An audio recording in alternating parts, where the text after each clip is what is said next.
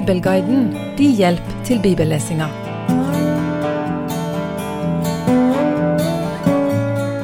Sist gang så starta vi gjennomlesning av første Samuels bok, og vi leste om Hannas bønn om å få en sønn, og at hun ble bønnhørt, og at hun holdt sitt løfte om å gi han til Herren, Hun å gi det daglige ansvaret for sønnen Samuel over til øverstepresten Eli. I dag skal vi lese kapittel to, som starter med Hannas lovsang, og hvordan det går med hun, mannen, Elkana og familien. Videre fortsetter kapittelet med beretningen om Eli sine to sønner, Hofni og Pinnehas, og deres synd imot Herren. Hva er deres synd? Hva er det de gjør? Sikkert mange ting en kan si om det, men det kan kanskje lettest oppsummeres med følgende. De misbruker sin stilling som Guds representant på jorda til egen vinning. De tar offerkjøtt før det er steikt, og de tar fettet som ofres skal til Herren, og så ligger de med kvinnene som gjorde tjeneste ved tempelet. Alt dette er å misbruke sin stilling. Mange vil kanskje reagere på at Guds dom overfor disse er hard. Det kan en jo tenke. Verset for at det var Herrens vilje å la de dø, som vi snart skal lese, kan virke veldig hardt og forutbestemt. Men kan det tenkes at Herren så til hjertet deres, og så at de ikke ville endre seg? Og muligheten for anger og omvendelse ble virkelig lagt foran dem flere ganger. Legg merke til det når vi skal lese det vi skal lese. Dommen kommer ikke før både Hofni, Pinjas og faren Eli, altså overstepresten, er blitt advart flere ganger. Guds rettferdige dom kan synes hard, men Gud kan ikke her beskyldes for å komme med en uventa dom, eller en dom der loven ikke var kjent på forhånd. De var prester, og offertjenesten var noe av det de skulle være opplært i. Det kan være greit å ha med seg for de som er redde for å møte en uberegnelig dommer. Kapittelet avsluttes med at dommen over Eli og hans hus kan få store følger, og at et nytt løfte til Guds folk om at han vil oppreise en ny trofast profet blir gitt. Og Med denne korte innlesninga så starter vi i første Samuels bok, kapittel 2, vers 1. Og Hanna ba og sa, Mitt hjerte fryder seg i Herren, høyt er mitt horn i Herren, vidt opplatt er min munn mot mine fiender, for jeg gleder meg over din frelse. Ingen er hellig som Herren, for det er ingen uten deg, det er ingen klippe som vår Gud. Tal ikke så mange høye ord, la ikke frekke ord gå ut av deres munn, for en allvitende Gud er Herren, og han prøver alle gjerninger. Kjempenes bue blir brutt, og de som snubler, binder om seg med kraft. De mette lar seg leie for brød, og de hungrige hører opp å hungre. Hun som var ufruktbar, føder sju barn, mens den som er rik på sønner, visner bort. Herren tar liv, og Herren gir liv. Han fører ned i dødsriket, og han fører opp derfra. Herren gjør fattig, og Herren gjør rik. Han nedtrykker, og han opphøyer.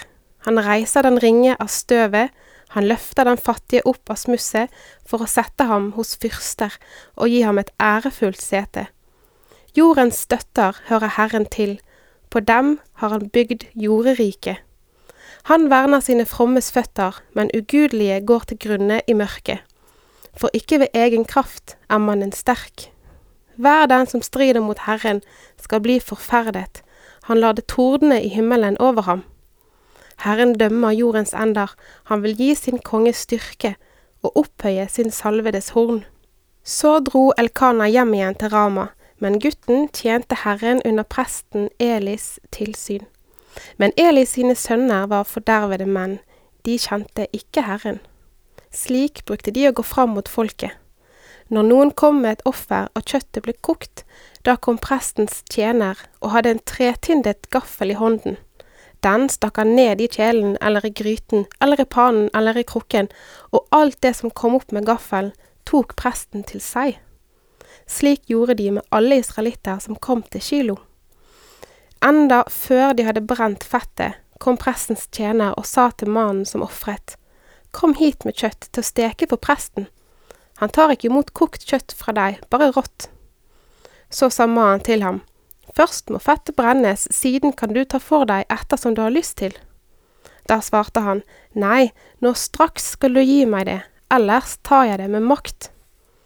Den synd som de unge mennene gjorde, var meget stor for Herrens åsyn, for de hånte Herrens offer. Legg merke til dette verset. Det som gjorde at sønnen til Elis i synd var så stor i Herrens øyne, var at de stjal, og derfor ringakta Guds offer.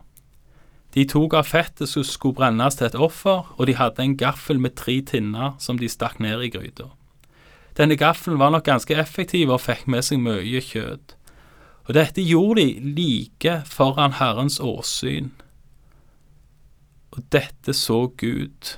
Men dette så òg Samuel den lille gutten Samuel.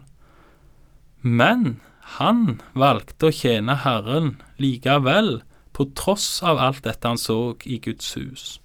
Vi leser videre ifra verset. Men Samuel tjente for Herrens åsyn, en ung gutt kledd i en efod av lin. Hans mor laget hvert år en liten ytterkappe til ham. Den hadde hun med til ham når hun dro opp med sin mann for å bære fram det årlige offeret. Og Eli velsignet Elkana og hans hustru og sa, Herren gi deg barn igjen med denne kvinnen istedenfor ham som hun ba om for Herren. Så dro de hjem igjen. Og Herren så til Hanna. Hun ble med barn og fødte tre sønner og to døtre. Men gutten Samuel vokste opp hos Herren. Eli var nå meget gammel, og når han hørte om alt det sønnene hans gjorde mot hele Israel, og at de lå med kvinnene som gjorde tjeneste ved inngangen til sammenkomstens telt, sa han til dem. Hvorfor gjør dere slikt? Jeg hører av hele folket her hvor ondt dere fører fram. Nei, mine sønner, det er ikke noe godt rykte jeg hører om dere. Dere forfører Herrens folk. Når en mann synder mot en annen mann, skal Gud være voldgiftsmann. Men når en mann synder mot Herren, hvem skal da be for ham? Men de hørte ikke på det deres far sa, for det var Herrens vilje å la dem dø. Men gutten Samuel gikk fram i alder og i yndest både hos Herren og hos mennesker. Det kom en Guds mann til Eli og sa til ham, Så sier Herren, har jeg ikke åpenbart meg for din fars hus da de var i Egypt og måtte tjene faraos hus? Jeg valgte ham blant alle Israels stammer til å bli prest for meg, til å ofre på mitt alter, brenne røkelse og bære efod for mitt åsyn, jeg ga din fars hus alle Israels barns ildoffer. Hvorfor tråkker dere da på mitt slakteoffer og mitt matoffer under føttene? De offer som jeg har påbudt i min bolig. Du ærer sønnene dine mer enn meg, så dere feter dere med de beste av hver offergave som mitt folk Israel bærer fram. Derfor lyder ordet fra Herren, Israels Gud. Vel har jeg sagt, Ditt hus og din fars hus skal ferdes for mitt åsyn til evig tid. Men nå lyder Herrens ord, det være langt fra meg. Den som ærer meg, vil jeg ære, og de som forakter meg, skal bli til skamme. Se, dager skal komme da jeg hogger av din arm og din fars etts arm, så ingen i din ætt skal bli gammel. Du skal se trengsel for Guds bolig, tross alt det gode han gjør mot Israel og det skal aldri finnes noen gammel i ditt hus. Og den mann av din ætt som jeg ikke utrydder fra mitt alter, skal få dine øyne til å slokne og være til sorg for din sjel. Og alle som vokser opp i ditt hus, skal dø i sine manndomsår. Til tegn på dette skal du ha det som skal ramme begge sønnene dine, Hofni og Peneas. De skal begge dø på én dag. Og jeg vil oppreise for meg en trofast prest, han skal gjøre etter mitt hjerte og min vilje, og jeg vil bygge for ham et hus som blir stående. Han skal ferdes for min salvedes åsyn alle dager, og hver den som er tilbake av ditt hus, skal komme og bøye seg for ham for å få en sølvskilling og et brød, og de skal si, Vær så snill, sett meg til et av presteembetene, så jeg kan få et stykke brød og ete. Kapitlet som starter med Hannas lovsang slutter med et løfte om en ny prest, en prest som skal gjøre at prestene etter Eli sin slekt skal bøye seg for han og be om et presteembete.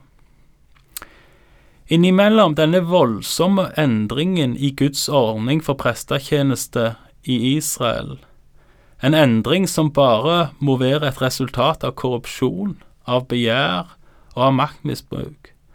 Midt i denne omveltninga, midt i dette kaoset og midt i denne ugudeligheten i Herrens hus, der vokser Samuel opp. Og til alt overmål så står det at han var godt likt, både av Gud og av mennesker. Det kan virke som at eh, Herren var Samuel sin hyrde som vel som David, og at Samuel opplevde at Herren kunne dekke bord for han òg, like for sine fienders føtter.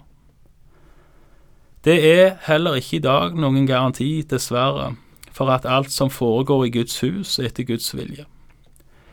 Det kan gjøre oss mismodige, eller for all del, det kan gjøre seg sinte.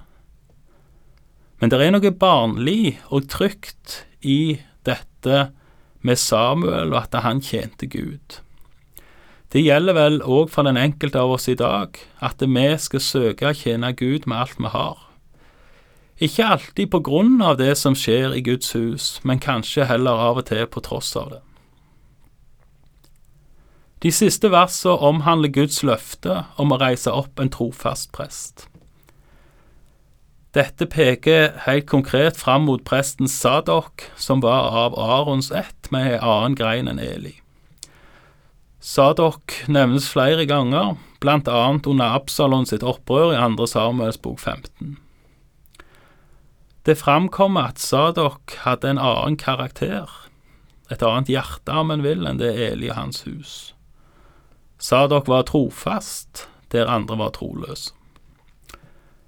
Men Guds løfte om å reise opp en trofast prest peker òg framover mot Jesus, som både hylles som konge, men som òg hylles som øverste prest, og som hylles som slaktoffer. En trofast prest, øverste prest til evig tid. Jesus. Og med dette så får vi si takk for i dag, og Herren være med deg.